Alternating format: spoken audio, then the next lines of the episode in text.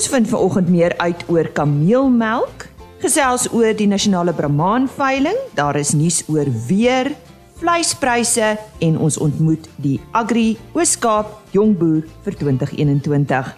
'n Hartlike goeiemôre, jy's ingeskakel by RSG Landbou. Baie welkom van my Lise Roberts.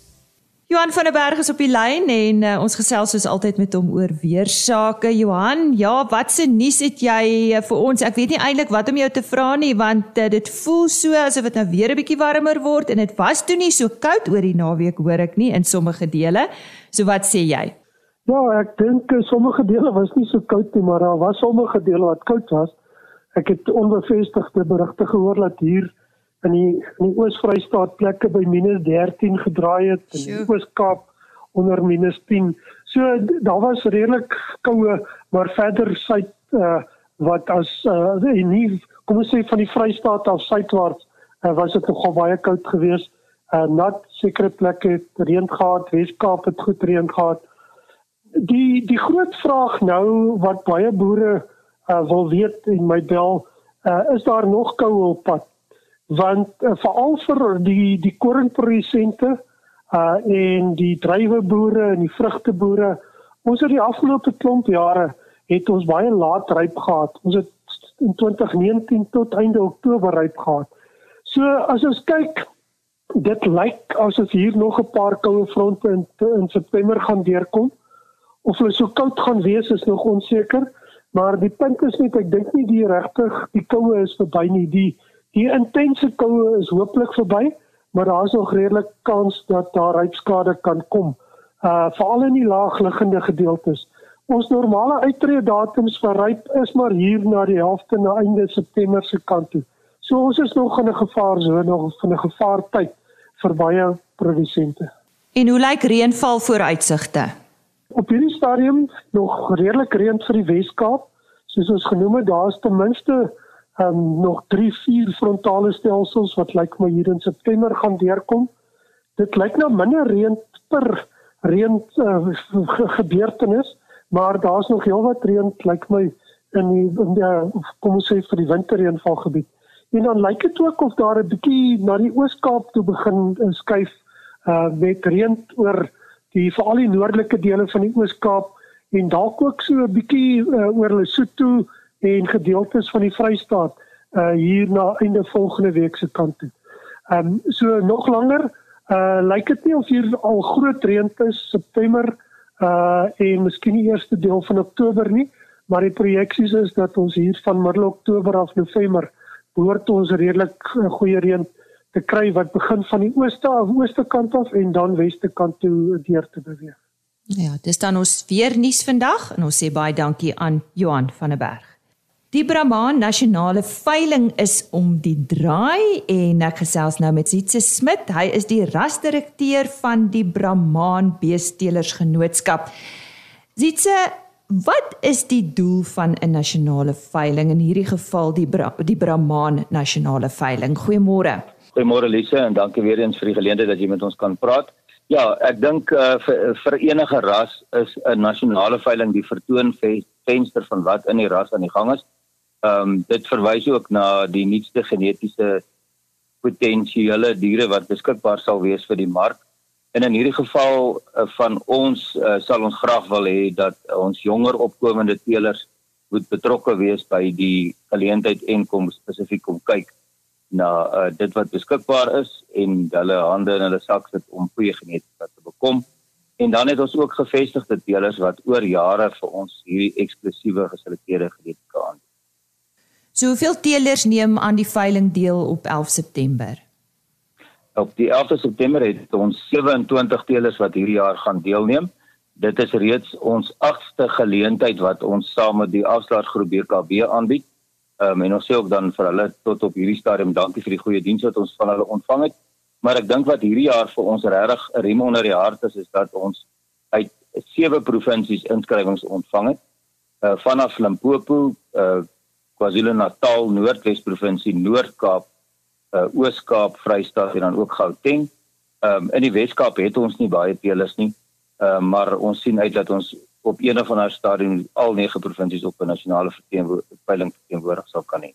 So waar presies vind die veiling plaas? Uh die veiling vind plaas by die ehm um, Afridome Arena. Dit sal dan nou Saterdag die 11 September wees. Dit is aan die einde van die week wat dan wat die BKB Afrika Lewende Hawe Expo en Skou plaasvind. Die geleentheid begin reeds uh, volgende week vanaf die 6de September. Dan kom al die diere aan en vanaf die 7de begin daar met die beoordeling van reeds Brahmane plaasvind die dag. Die 7de September doen ons nie alter mak beoordeling. Dan die volgende dag, die Woensdag doen ons ehm um, vroulike diere en dan die Donderdag doen ons manlike diere. Ehm um, ja, en ons sien uit na 'n baie besige week en dan sluit ons dan die geleentheid af met ons eksklusiewe nasionale veiling hmm. wat weer eens uh, hoë kwaliteit diere verteenwoordig. En ons is werklik waar hierdie jaar opgewonde oor die inskrywings wat ons ontvang. En dan wil ek net by jou hoor, uh, wat bied julle aan? Jy het nou vinnig van die vroulike en die manlike diere, maar so 'n bietjie iets meer daaroor en vertel ons iets van die keurproses.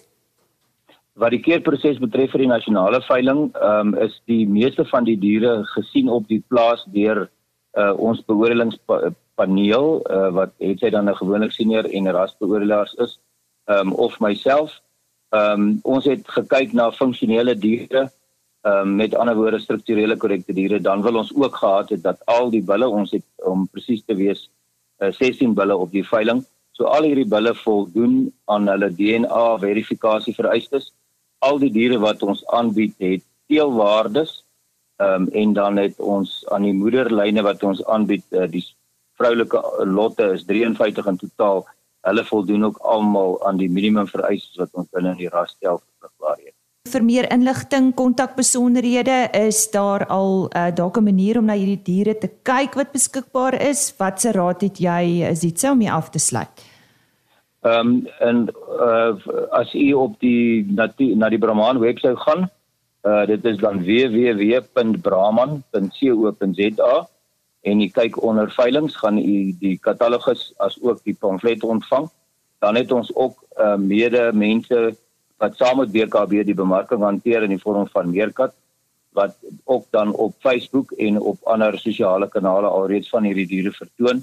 En ons sê ook dankie vir die geleentheid wat ons saam met hulle kan hê en ook vir die goeie werk wat hulle tot op die stadium gedoen het.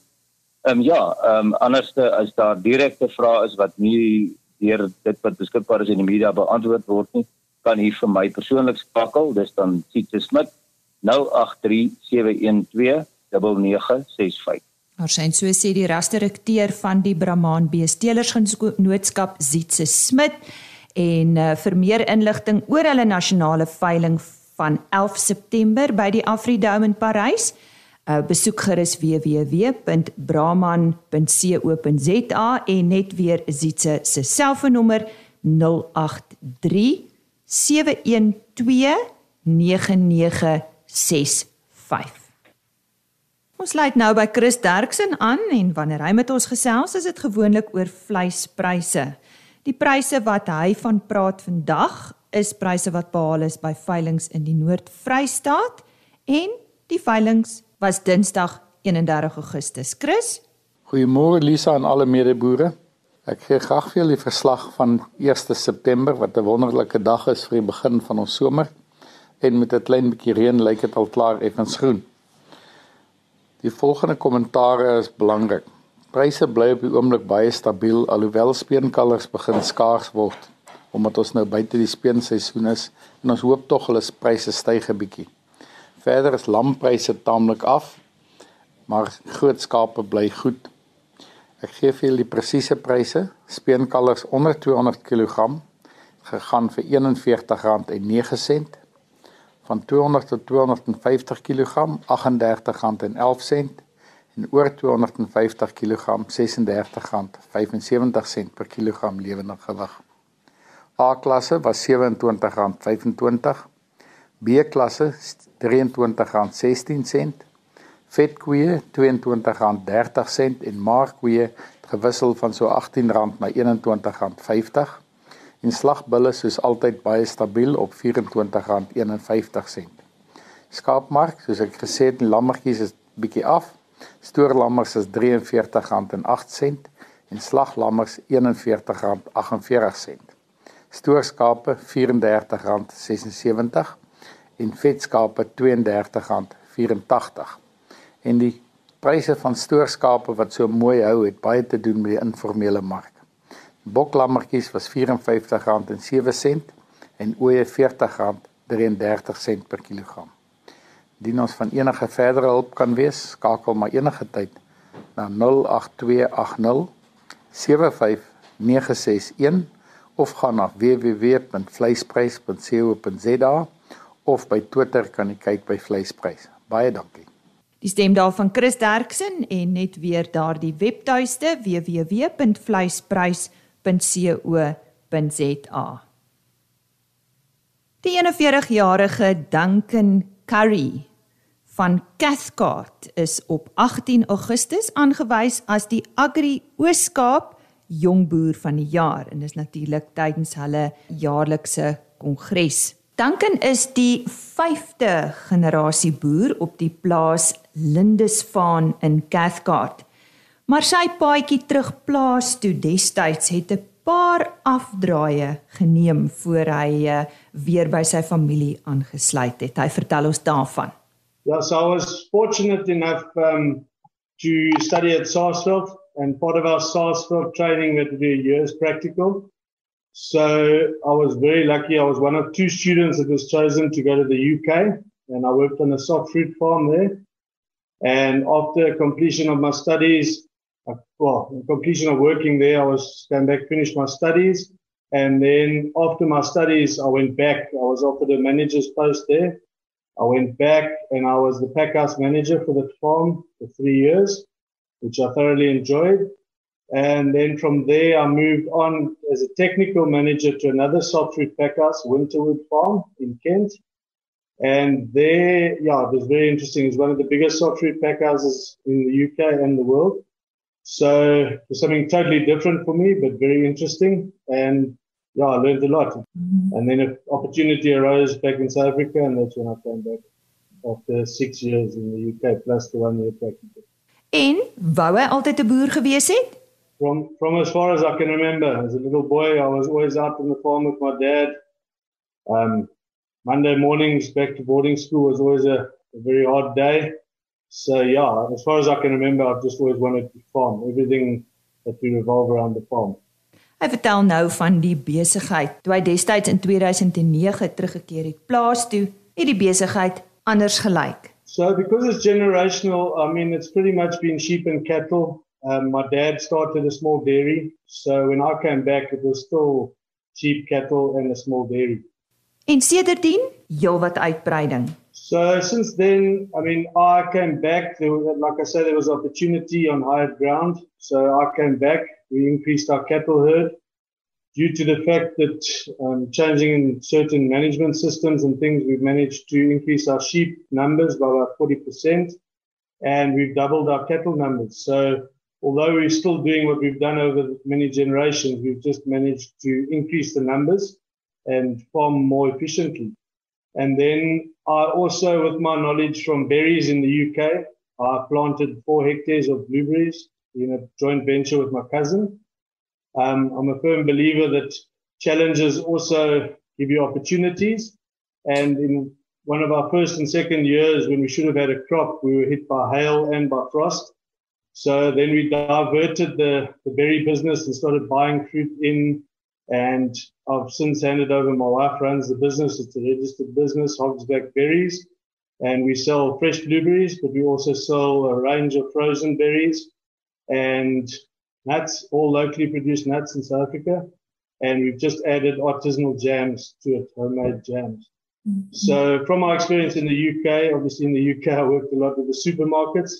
So I didn't want to have to do anything with supermarkets in South Africa. So it's basically a mobile shop, if I can call it that. The fruit goes from the farm to the housewife or to whoever's buying it. We're not great into, uh, big into wholesale. It's pretty much from the farm to the housewife or to the end producer. Uh, yeah, the end user. So sheep, interesting. We, we predominantly merino. 90% of our sheep are merino. Then 10% is Dormer. The Dormer is also something that I added. My great grandfather brought in Dorsets in 1948. And I've always loved them from when I was a kid. I was always out tagging them and writing records, keeping my own notebooks. And it was something I was really passionate about. So when I came back, I tried to look for Dorset blood in South Africa, but it just wasn't practical and there were no, no breeders. I then looked at importing semen. And at the end of the day, the Dormer is 50% Dorset. So I decided to register it and use that bloodline and use the appendix system and upgrade them. So now I've got a Dormer stud. So yeah, the stud is, is, is only 10%, but it also produces rams for myself that I use on a cross breeding onto the merinos as well. Mm-hmm. So merinos is the main thing. And then the Dormers there. And then cattle, we do a three-way cross for weaner production. It's uh, Hereford, Angus and Shorthorn. Three-way cross. Daar was ook 'n paar noemenswaardige verbeteringe op die plaas. Yeah, so again, I think coming from a generational farm, most of the things are in place already. It's what you can tweak and what you can change to become more productive and more efficient. So I was very lucky um, from that point of view that the groundwork had been done and was just like adding some basics to improve things. I've upgraded our sharing shed to a raised platform but I've also in the same time done it that it does all our sheep facilities are there. We can scan, we can share, obviously share there, scan, laparoscope, we dip, we do everything out of that one facility. So that's been a great improvement. And then also on the facilities, the working facilities, I've redone all the cattle facilities and sheep facilities. We've fixed them as, up as well. Um, yeah, if the animals are, are relaxed and working easily and then the staff are relaxed, and you're far more productive and efficient. So facilities has been a big thing for me. And then I've also other things changed on the farm or upgraded a bit is irrigation and all of my stuff is to try and be more efficient and more productive at the same time. With the same manpower, what can we do more with the same people? 'n Plaas is 'n besigheid en 'n besigheid bestaan dikwels uit 'n span. Nou in hulle deel van die wêreld is daar mense wat al jare deel is van hierdie familie. Hy vertel ons daarvan. Ja, so in the rural eastern cape obviously it is a team, it's a very big team thing. The staff live on the property, so they're part of the family, they're here 24/7. So I've got a family members that all work together, fathers, sons, it's generational, not only on my side, but a lot of my staff as well. So it's great from that point of view where even the employees' knowledge is passed on from one generation to the, to the next. And with that comes all the, the joys of them living on the farm. But also, what I do like about it is we know all the staff members, their wives, their children, we know everyone. So, yeah, it's it's a big family and it's a it's a team effort. That's the key. And the nice thing about having them on the property too is when there are fires or emergencies, everyone is here and within minutes we can react. So there again, it's a team effort. Nobody complains. They're all happy to get in and sort the problem out. En wat behels sy betrokkenheid by sy gemeenskap en georganiseerde landbou? My wife says I spend a lot more time uh, at meetings and farming. Um, but that's what comes with the territory. I'm the vice chairman of the Farmers Association. I've been on the CPF uh, Hogsback Police Forum for eight years now. I've done two years as chairman, um, and I'm on the Community Security Forum as well. So I think the main thing is that with farmers becoming less and less, the community is getting smaller. We've got to do more and more ourselves. And we're very privileged in the community we live in. Everyone is like minded.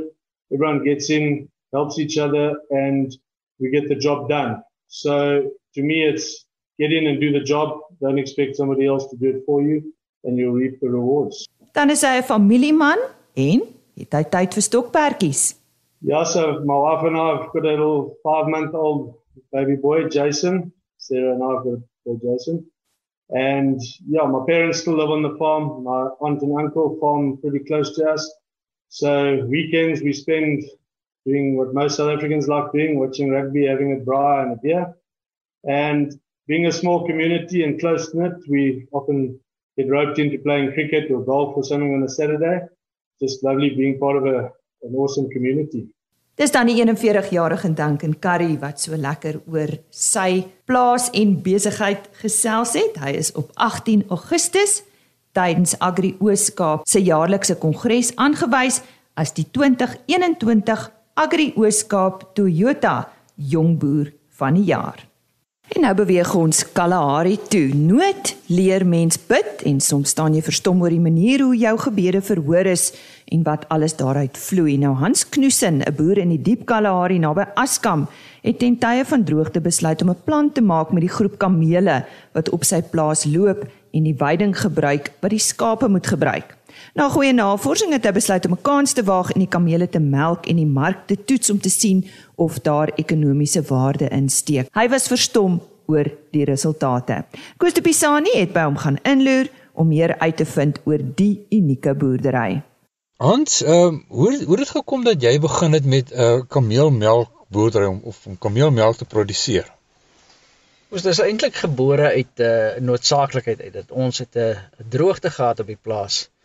En hierdie klomp kamele wat nou al vir baie jare op die plaas was, het uh, veiding opgeneem en ons moes probeer kyk of ons hulle as ekonomiese eenhede kan benut. So ek het begin navorsing doen oor die vleis uh, of as jy vleis kan benut nooit eers gedink aan melk nie, maar tydens die navorsing het ek afgekom op die gesondheidseienskappe van die melk. En dit het uh my laat dink dat miskien is daar 'n mark. Kom ons probeer melk produseer, melk 'n kameel en uh kyk wat die wat die Suid-Afrikaanse mark doen. Ek wil nog graag weet ook oor die oor die gesondheidswaarde waarvan jy praat, maar vertel my eers vir my, ehm um, het al kamele gehad voorheen of was die kamele op die plaas of moes jy kamele ingekoop het? Nee, gelukkig het ek nie nodig gehad om hulle in te koop nie. Hulle is uh al op die plaas van 1950, tussen 50 en 54. Uh aanvanklik was dit kamele wat in die Kalahari aangekom het as uh diere vir die berede polisie.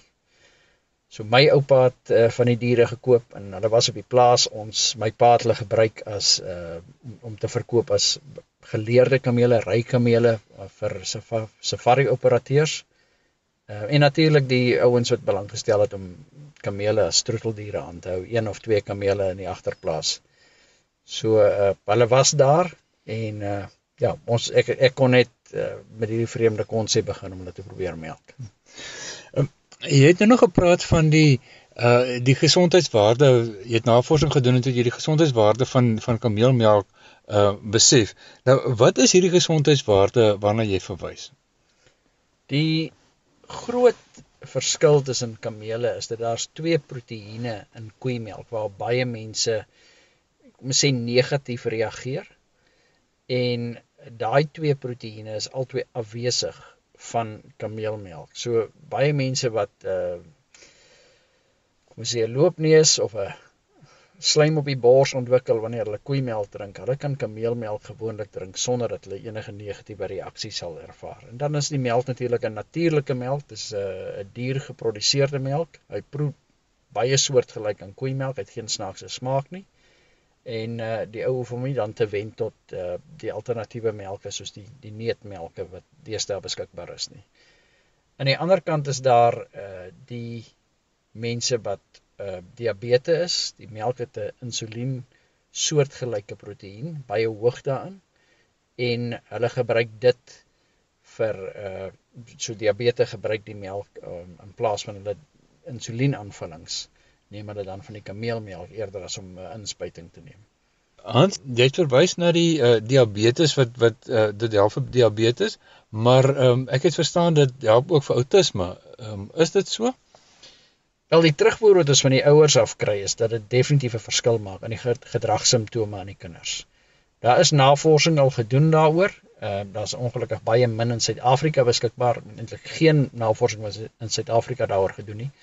Maar dit het definitief 'n positiewe invloed op die uh spysverteringsstelsel van die kind wat dan weer uh direk uh gekoppel is aan breinfunksie. So ons kry uh heelwat van ons kliënte is mense wat die melk koop vir autistiese kinders en hulle is vol lof vir die melk daarvoor.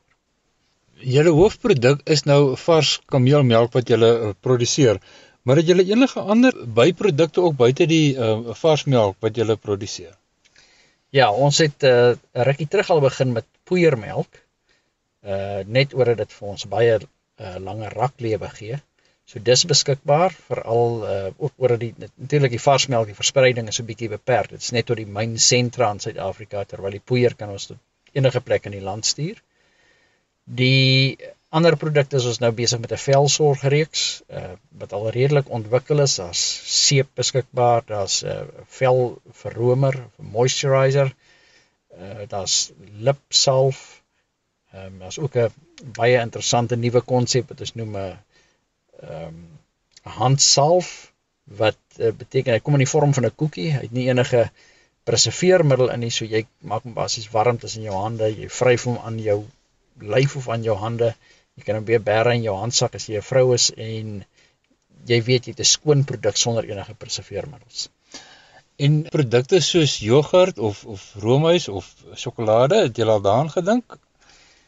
Ons werk aan die sjokolade kant, ons is aan die ontwikkel daar. Ons behoort uh hopelik binne die volgende sê die volgende maand, maand en 'n half sal ons die produk beskikbaar hê, sjokolade.